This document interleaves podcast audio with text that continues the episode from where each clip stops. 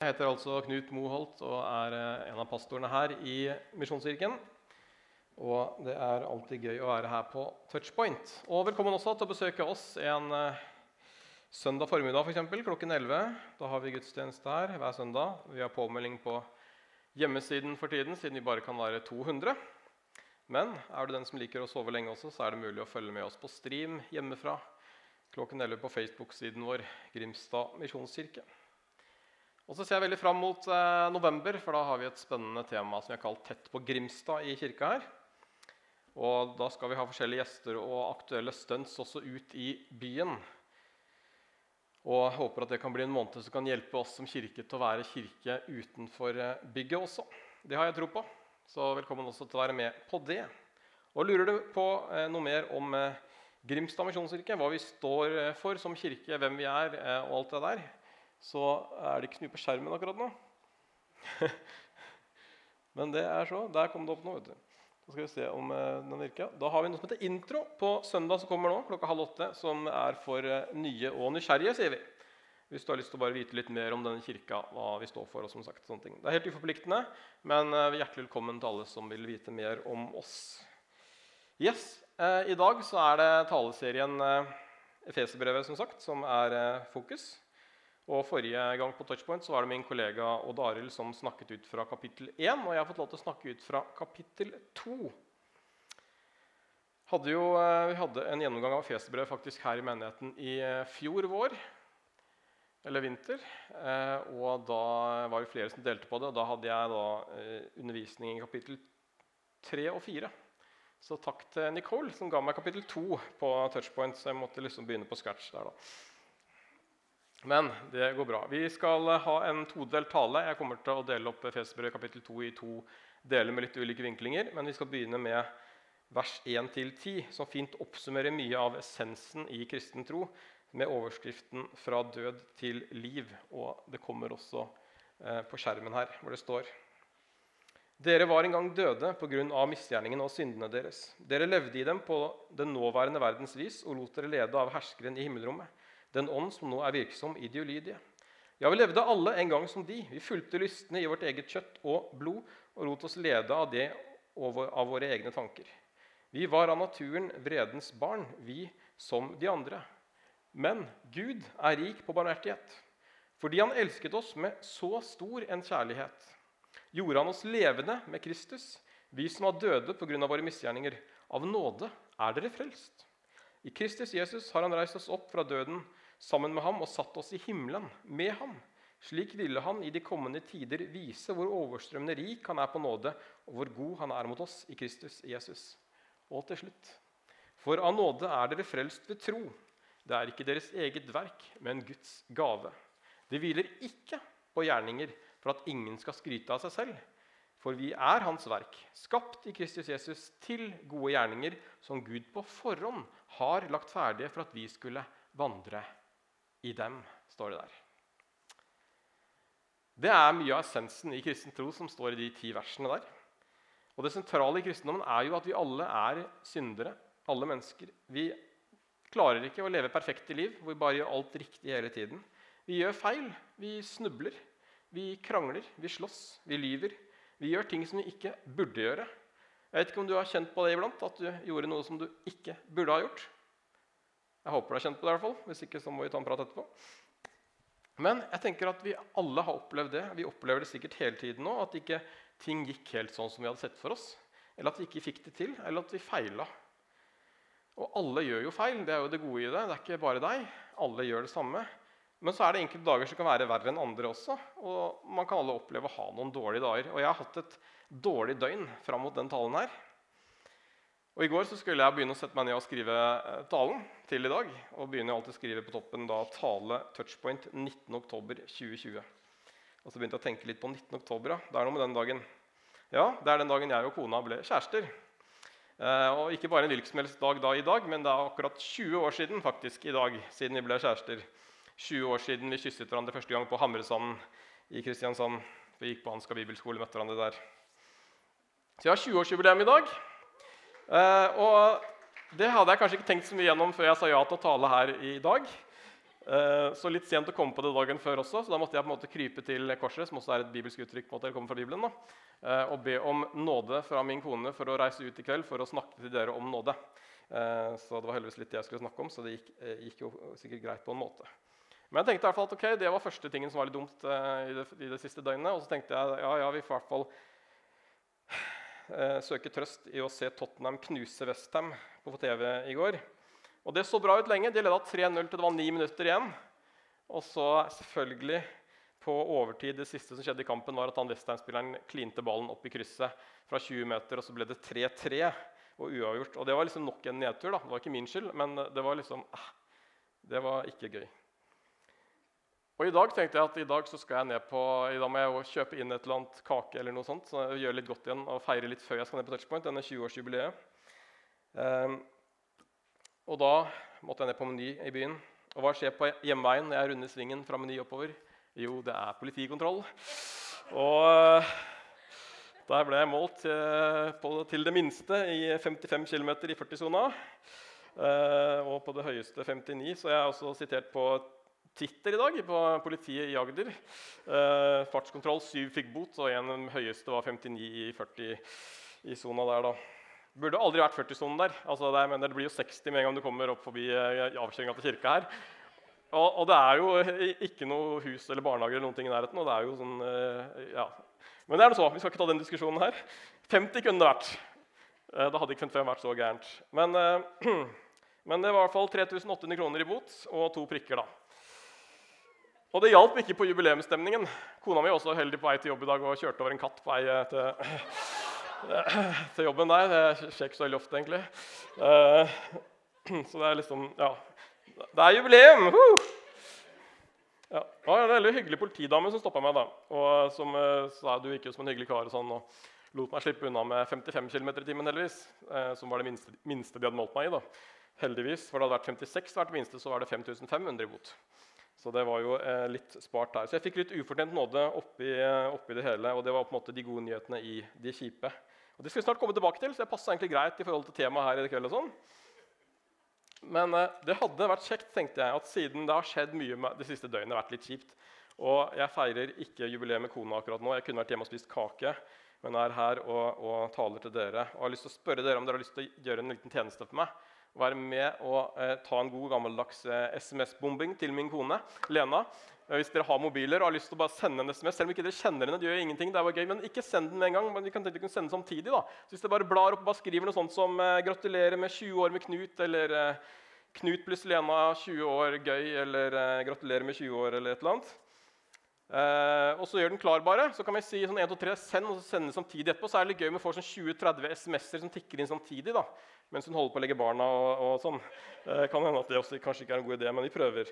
Uh, det har vært gøy. så jeg er veldig takknemlig for det. Så bare skriv noe klart. at dere snart skriver en melding som er koselig, eller et eller annet, til da 41 40 90 74 som er Så tenkte jeg litt hyggelig med SMS, for nå er det så mye Messenger og Facebook-meldinger og sosiale medier. Sånn, det er ikke så ofte man får sånne SMS-gratulasjoner lenger. Så hvis dere bare, ja, Det er jo gøy at dere kan bruke telefonen litt i talen også. med god samvittighet. Eh, så har dere skrevet en liten sånn hilsen. et eller annet. Gjør ingenting om dere kjenner henne, for hun kommer til å skjønne at uh, hun vet at jeg er her. liksom, så skjønner at det er et eller annet. Ok, Har dere skrevet noe? Er dere klare til å sende?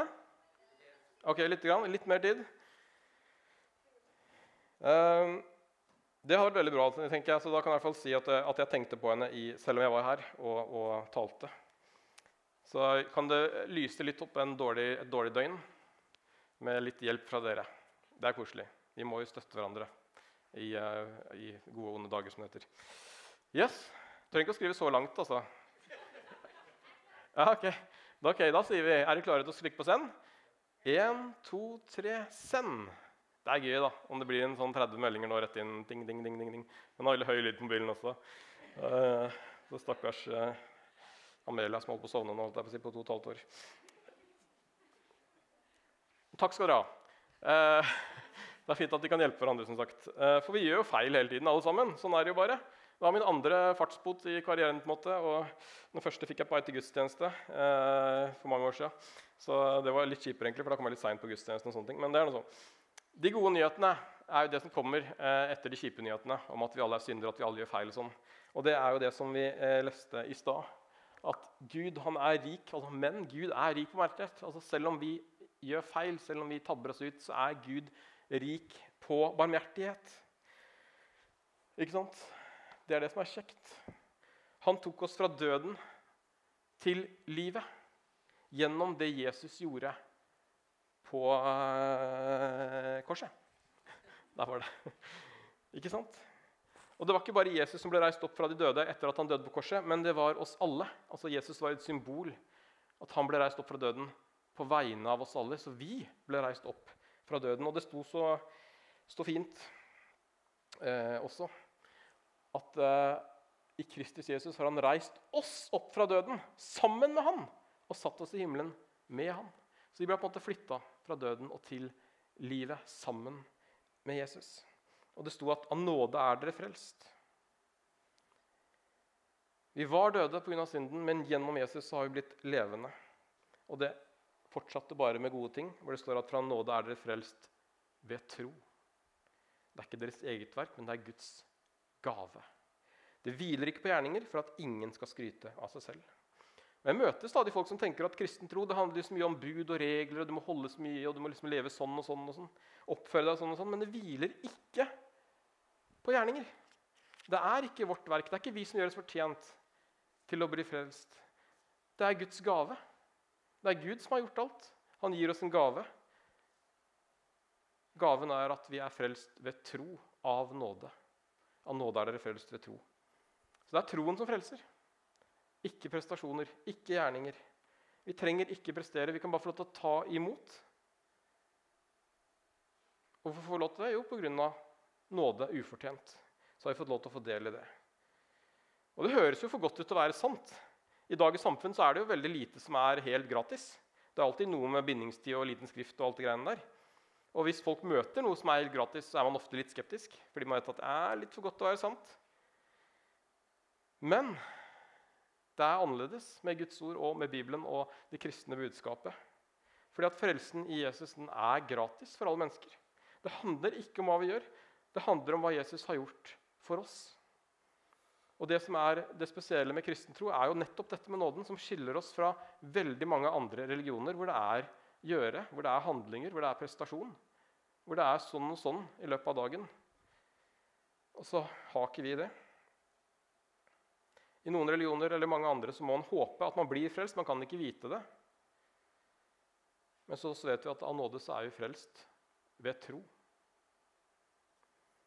Og så har Gud eh, allikevel gitt oss en, eh, en, oppskrift. Han har gitt oss eh, mange gode råd og tips og rammer som vi kan få lov til å velge å følge hvis vi vil. Og Han satte noen rammer til oss, ikke for å være kjip eller for å gjøre livene våre kjipe, men det var fordi at han elsker oss, så ga han oss gode rammer. Og så er ikke frelsen bundet av om vi klarer å holde de rammene eller ikke, for de vet at vi klarer jo det ikke i egen kraft. Men så er vi allikevel frelst ved tro. Men så har han gitt oss noen rammer, og så trenger vi alle rammer. Og når jeg setter rammer for min åtte år gamle jente hvor mye hun kan få lov til å spille Minecraft på nettbrettet, så syns hun det er kjipt når hun ikke får lov til å spille mer og tiden har gått ut. Men jeg vet at hun ikke vil klare å begrense seg hvis ikke vi har noen rammer. Og Derfor så setter vi noen rammer. Ikke for å være kjip, men fordi jeg tror at det er hennes beste. Og For barna så er det ofte sånn at det er vi voksne som må sette grensene. Men hvem er det som setter grenser for oss som er voksne? For vi trenger også grenser iblant, selv om vi er voksne. Hvis ikke vi hadde hatt trafikkgrenser, da. Eksempel. Alle kunne kjørt som de ville. Da hadde det blitt eh, kaos, ikke sant? Viktig å holde fartsgrensen. ja. Og det er ikke bra for oss å kjøre for fort. Da kan det plutselig svi med 3800 kroner eh, på en mandag. Men det fins lover og regler i et samfunn som skal hjelpe oss. For vi trenger også som sagt, rammer, ikke bare barna. Og det finnes millioner av eksempler på at voksne også trenger gode rammer, dessverre.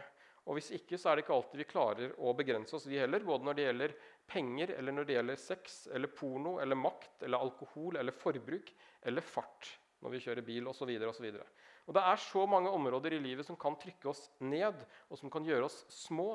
Og Derfor har Gud, som vet det her, gitt oss noen anbefalinger å følge. Ikke for å begrense livene våre, men for å hjelpe oss til å få det beste livet.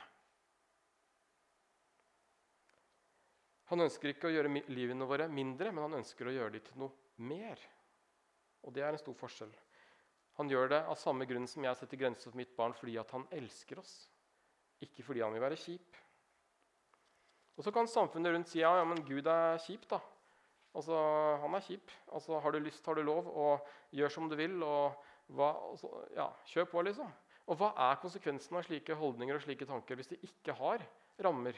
Jo, det er som vi ser i dag, at stadig flere sliter psykisk og mentalt. Stadig flere mennesker er ensomme. Stadig flere sliter med ulike typer avhengighet. Fordi at mange ting som kan være gode i utgangspunktet, kan også bli vanskelig om man ikke har gode rammer. Og der det ikke settes grenser, der hvor alt er lov, alt er frihet, der blir også avhengigheten desto større og får oftere negativ konsekvens. Og Romerbrevet advarer mot det her. Jeg skal lese litt fra Romerbrevet. Det står ikke på skjermen, dessverre, men fra eh, Ja. Det står iallfall her i Romerbrevet kapittel eh, 1 og 12 utover.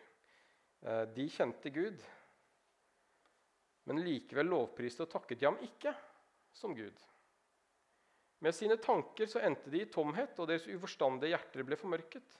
De påstod at de var kloke, men de endte i dårskap.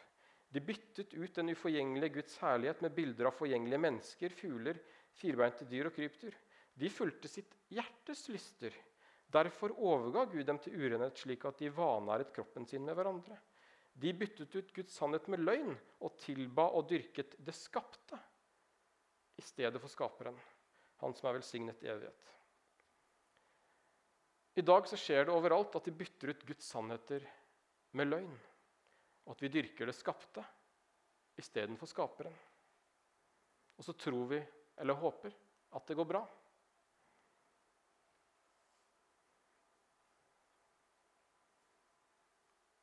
Og da er det godt å vite at selv om vi feiler, og selv om vi gjør ting som vi ikke burde ha gjort, så er det ikke så lang vei tilbake. Og det hviler ikke på gjerninger, som sagt. For av nåde så er vi frelst ved tro. Og alene så får vi det ikke til alltid. Men ufortjent så kan vi alltid få lov til å ta imot Guds gave, som ikke handler om at vi må leve sånn og sånn. Men vi kan velge om vi har lyst til å være fornøyd og fortsette livet som vi alltid har gjort, eller om vi skal våge å vandre i i gode gjerninger som Gud på forhånd har lagt ferdig for oss, som er et alternativ som vi også kan få lov til å vandre i. Jeg syns det er et fint vers at vi er skapt til gode gjerninger som Gud på forhånd har lagt ferdig for at vi skulle vandre i dem. Og det at Gud har lagt dem ferdig, det betyr jo at vi på en måte ikke må streve for å gjøre gode gjerninger. Og jeg er veldig glad i ordet 'vandre', som det står. At eh, vi kan få lov til å vandre i det. det. Altså Vandring er et godt ord. Det innbyr ikke på en måte til kav og mas eller stress, men du kan få lov til å bare vandre. Jeg ser for meg at vandre er noe som ikke krever altfor mye. Du kan bare få lov til å vandre inn i ferdiglagte gjerninger. Det er ikke noe heseblesende, men det er en god vandring sammen med Gud. Og livet er en vandring. Og så kan du velge om du vil vandre livet sammen med Gud, som sagt, eller om du vil streve deg gjennom det på egen hånd. Og jeg vil jo anbefale det første. Og vi er heller ikke skapt til å gå alene sånn menneskelig sett heller. Så finn gjerne noen som du kan få lov til å gå sammen med og hjelpe deg å holde fokus. Og hjelpe deg til å ikke bli avhengig av noe som ikke er bra for deg. Og Da kan det også være godt å finne noen å prate med, som du kan ha fellesskap med og dele livet sammen med. I min egen tjeneste som pastor så har jeg hatt en personlig mentor i mange år. En som har gått foran, som jeg kan få lov til å prate med, og som kan veilede meg og hjelpe meg med mange spørsmål og ting, både om liv og tjeneste. Og det har vært veldig fint, og jeg tenker at alle burde hatt det. Alle burde hatt en som de kan snakke med om livet også når det er vanskelig. En som kanskje har opplevd mye av det samme selv, som har gått den veien før. Og som kommer med råd og tips. da. Så skaff deg gjerne noen som du kan snakke med, litt sånn som Øyvind og Silje tilbudet her i stad òg. Bruk de mulighetene som er, eller finn deg noen. Eller bli med i en Connect-gruppe her på Touchpoint og del livet sammen med andre. Så er det lettere tror jeg, ofte å passe på at man kan få lov til å gå inn i de ferdiglagte gjerningene og finne ut av hva Gud har av de gode tingene for oss. Og Det er de første ti versene som er det sentrale i kristen tro i Efeserbrevet. Les gjerne Efeserbrevet. Det er mye bra der. Og vi skal se litt mot slutten på del eh, to av to, som er litt i eh, vers 18 til 22. Og det har jeg også her på eh, skjermen i Efeserbrevet 2, 18-22. Der står det som følger Gjennom ham har både vi og dere adgang til Far i én ånd. Altså Gjennom Jesus, da, som er han, så har vi fått adgang til Gud gjennom Den hellige ånd. Og Derfor så er dere ikke lenger fremmede og utlendinger. Nei, dere er de helliges medborgere og Guds familie. Og det er så fint. Altså Den hellige ånd gir oss en ny status som Guds familie når vi tror. Alle som tror, alle som har da Den hellige ånd, de er en stor familie. og Derfor sier vi også ofte at vi er søsken i troen, fordi vi er i familie. Guds familie. Og Derfor kan vi også si at Gud er vår far. Fordi at i troen så blir vi hans barn. Familie. Og det er gøy. Og Dette er ikke en sånn usikker status som kan forsvinne i morgen. Nei, dette er på en måte helt sikkert.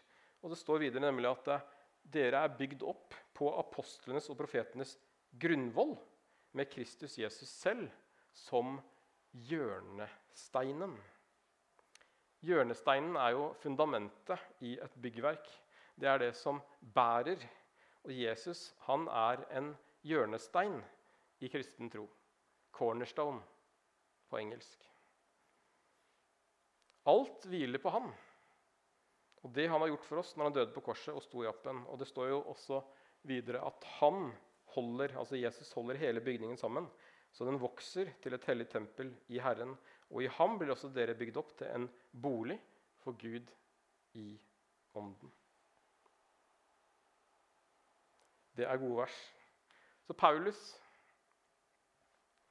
som har skrevet Efeserbrevet, han inviterer deg som leser ikke bare til å tro, ikke bare til å ta imot Guds gave, men til å ha Jesus som hjørnestein i ditt liv. Våre liv kan få lov til å være boliger for Gud, hvor Han bor i oss gjennom Den hellige ånd. Og så er det Jesus og det Jesus har gjort for oss, som gjør det mulig at han kan bo i oss. Og når han bor i oss, så gir han også den statusen som familie, som barn. Så spørsmålet til deg i dag er jo vil du ha Jesus som hjørnestein i ditt liv. Vil du hvile med alle dine byrder, alle din, dine utfordringer og all din tyngde på Jesus? Og vil du la han bære deg og være ditt fundament i livet? Eller vil du bygge livet ditt på et usikkert fundament som kan forandre seg fra dag til dag? Livet med Jesus det kan anbefales og prøves ut. Han har lovet å hjelpe oss, veilede oss, om vi bygger våre liv på han. Vi skal bare høre jeg har det ikke på skjermen, bare høre noen løfter fra Jesu egen munn, hvor han sier i mange av evangeliene gode ord til oss. Blant annet, hør på dette her fra hjørnesteinen vår, han som tilbyr seg å være vår hjørnestein, har sagt Kom til meg, alle dere som strever og bærer tunge byrder, og jeg vil gi dere hvile. Jesus sier, 'Jeg er veien, sannheten og livet'. Ingen kommer til far uten ved meg. Han har sagt at 'jeg kaller dere ikke lenger tjenere', for tjeneren vet ikke hva Herren hans gjør. Jeg kaller dere venner. For jeg har gjort kjent for dere alt jeg har hørt av min far. Dere har ikke utvalgt meg, men jeg har utvalgt dere og satt dere til å gå ut og bære frukt, en frukt som varer. Jesus sa, 'Søk først Guds rike og hans rettferdighet, så skal dere få alt det andre i tillegg.' Han sa også, 'Alt dere vil at andre skal gjøre mot dere, skal også dere gjøre mot dem.' Han sa også, 'Be, så skal dere få. Let, så skal dere finne. Bank på, så skal det lukkes opp for dere.' For den som ber, han får. Den som leter, han finner. Og den som banker på, skal det lukkes opp for. Jesus sa, 'Fred etterlater jeg dere. Min fred gir jeg dere, ikke den fred som verden gir.' La ikke hjertet bli grepet av angst og motløshet. Igjen talte Jesus til folket og sa, 'Jeg er verdens lys.' Den som følger meg, skal ikke vandre i mørket, men ha livets lys.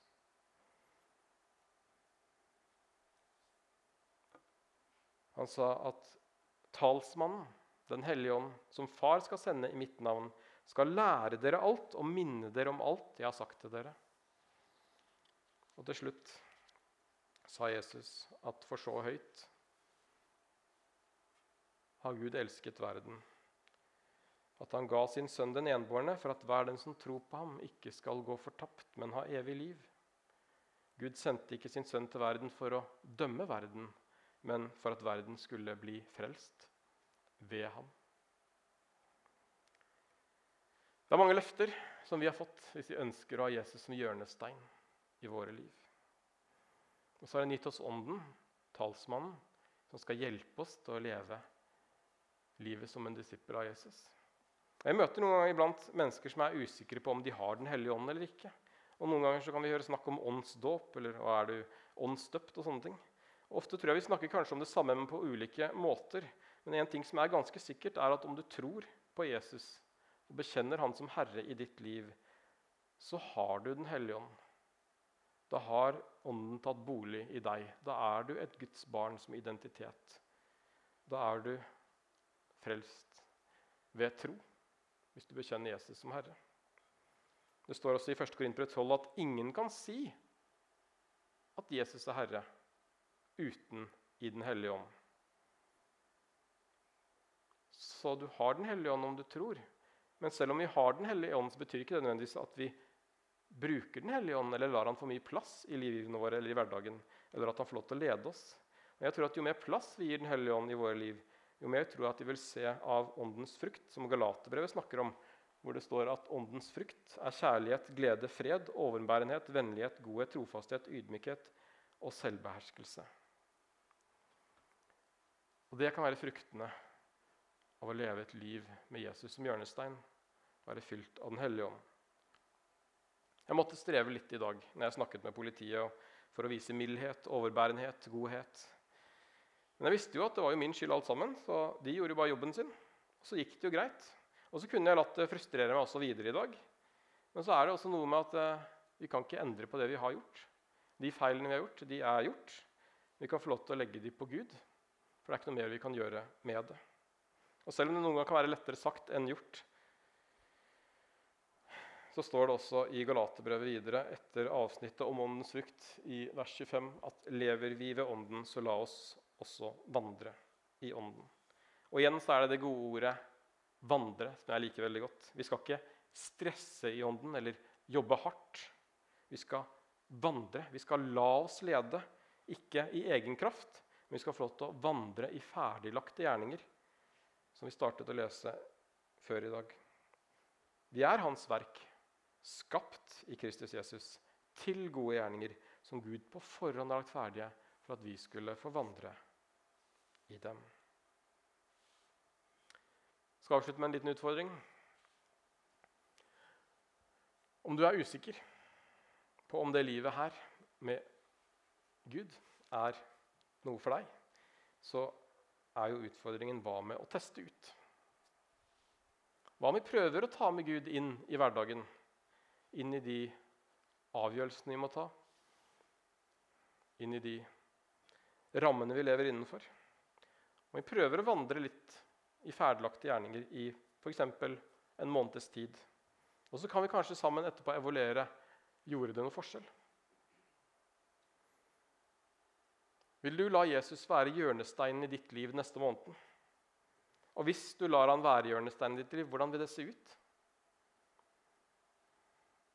Kanskje er det noen ting du måtte endre på på, på timeplanen, eller på ting du allerede gjør i livet, eller tenker på. Og kanskje er det ting du blir minnet om allerede nå, mens du sitter her, som er noen grep du kanskje må ta.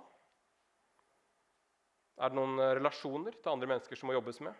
Er det noen i familien du må ta et oppgjør med? Hvordan vil det se ut i ditt liv? Søke i tillegg med Gud, takke for dens leder. En venn her. Sammen snakke om utfordringene månedene. Og Da trenger vi Den hellige ånds hjelp. Men hva vi gjør til der med åpne, Vi begynner bare å gå bak og ønsker å prate om noe av det. Jeg kommer også kanskje til å være litt tilgjengelig bak der også hvis du ønsker å prate om noe av det jeg har snakket om. Ikke vær redd for å ta kontakt. Vær frimodig. Jeg tror absolutt at det beste livet det lever vi sammen med Jesus, som er hjørnesteinen i våre liv. Så kan vi allikevel hende at vi treffer noen fartshumper i livet eller får noen fartsbøter på vei. Men jeg slutter ikke å tro av den grunn. Jeg vet at Guds nåde er ny hver dag, og den er for oss alle. Og gratis. La oss be sammen. Kjære far, takker deg for det du lærer oss gjennom ditt ord, far. Takk for at eh, vi er frelst ved nåde, ved tro. At ikke det er vårt eget verk, at ikke det er våre, våre prestasjoner eller våre gjerninger som betyr noe, far, men at det er din godhet, din kjærlighet og at du elsker oss først, som er det viktige, far. Takk for alt det du har gjort for oss, for hver enkelt som sitter her inne, far.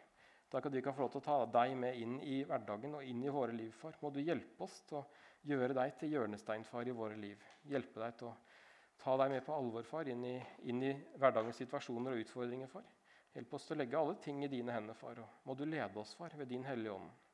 Lede oss inn i dine ferdiglagte gjerninger, slik at vi kan få lov til å se hver dag at du går med, far, og at du leder oss. Ber om at uh, du må hjelpe oss spesielt nå den neste måneden som ligger foran, far, til å se deg i hverdagen, se deg i situasjoner, far. Minn oss om ting, far. Led oss. Ber om frimodighet til det, far. Til å komme til deg først og søke deg først så kan vi få det andre i tillegg. Takk i Jesu navn. Amen.